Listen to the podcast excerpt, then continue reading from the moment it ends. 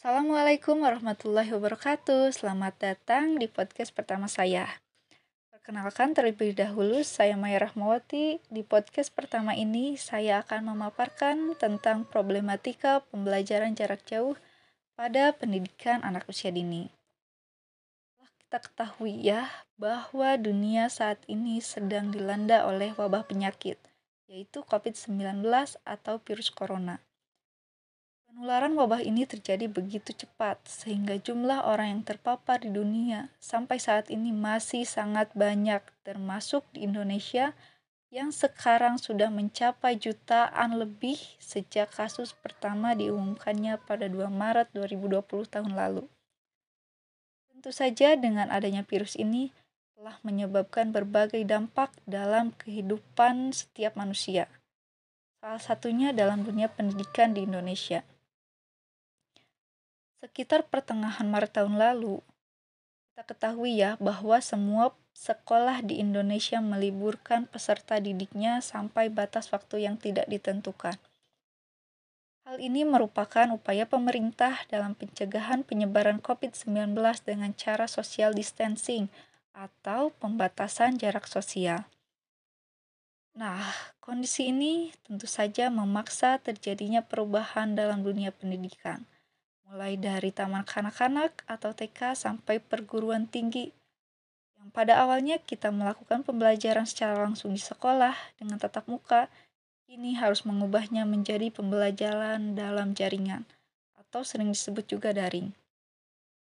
Pembelajaran dalam jaringan ini merupakan rancangan pembelajaran tidak langsung antara guru maupun peserta didik di mana penerapannya menggunakan jaringan internet melalui aplikasi. Jadi pembelajaran ini bisa berupa pengiriman teks, audio, gambar, animasi, dan video streaming. Selain itu, pemerintah juga menyiapkan beberapa fasilitas untuk menunjang pembelajaran jarak jauh ini, seperti siaran e, pembelajaran melalui, melalui TV, serta menyediakan bantuan kuota gratis untuk guru dan siswa.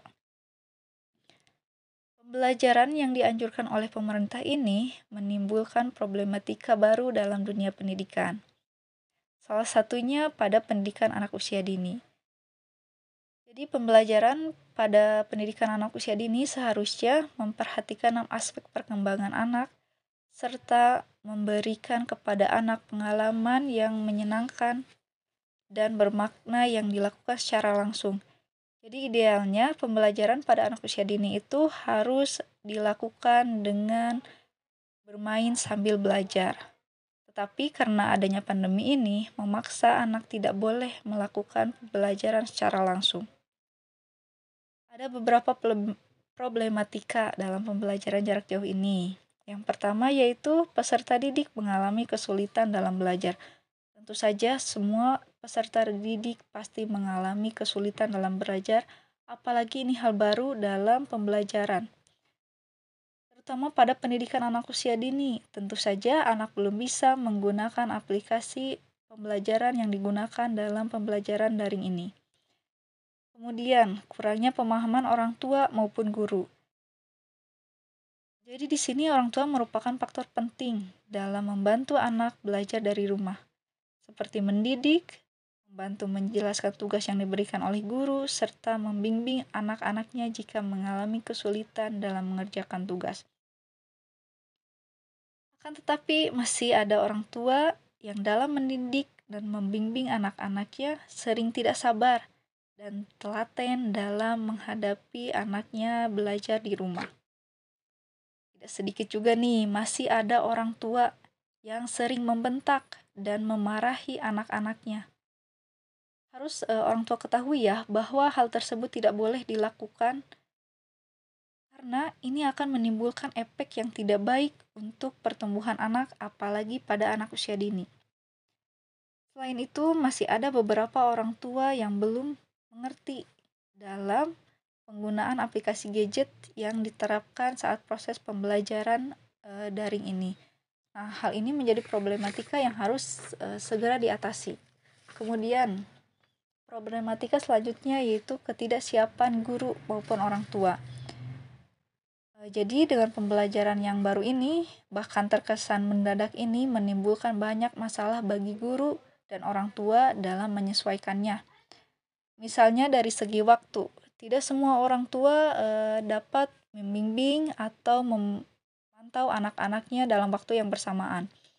Orang tua harus membagi waktunya antara pekerjaan rumah dan membimbing anak saat pembelajaran online. Maka dari itu, tidak memungkinkan untuk pelaksanaan pembelajaran menyamakan waktu setiap peserta didik. Kemudian, penggunaan media pembelajaran daring yang belum dikuasai oleh guru dan metode pembelajaran yang harus menyenangkan untuk anak usia dini. Jadi guru harus selalu memberikan metode yang menyenangkan untuk anak usia dini dalam pembelajaran daring ini.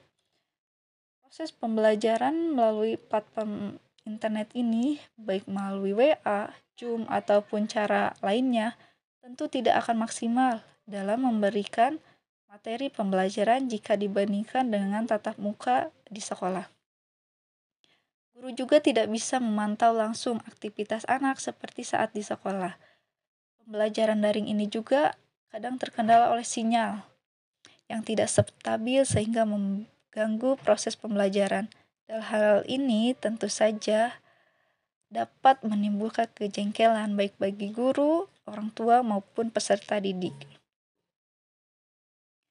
Kemudian problematika yang terakhir yaitu dalam memberikan nilai terhadap hasil belajar anak. Tentu saja semua guru akan mengalami kebingungan dalam memberikan penilaian, apalagi pada pendidikan anak usia dini.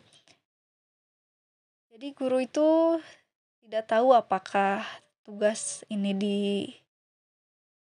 dikerjakan oleh anak sepenuhnya atau dibantu oleh orang tua atau dikerjakan sepenuhnya oleh orang tua. Kemudian apakah anak mengerti materi yang disampaikan oleh guru dan apakah perkembangan anak sudah tercapai atau belum kita semua tidak tahu karena kita tidak pernah melihatnya secara langsung dalam pembelajaran daring ini. Oleh karena itu, ada beberapa guru yang berinisiatif untuk memberikan penilaian berdasarkan dari sikap dan keaktifan peserta didik selama pembelajaran. Kemudian, masalah yang dihadapi dalam proses belajar jarak jauh ini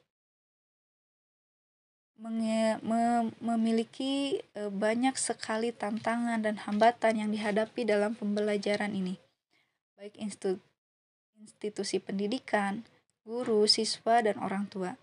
Dengan belajar jarak jauh ini tentu dapat dirasakan sangat berbeda bila dibandingkan dengan belajar di sekolah, baik dari segi proses pembelajaran, metode pembelajaran, respon siswa terhadap materi pembelajaran, bahkan sampai kesehatan mental serta sosial eh, peserta didik.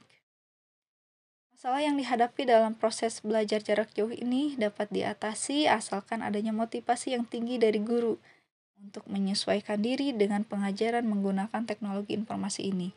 Guru juga harus terus berinovasi untuk agar siswanya tetap semangat dalam belajar dari rumah dan orang tua juga harus setia terus mendampingi belajar anak-anaknya di rumah.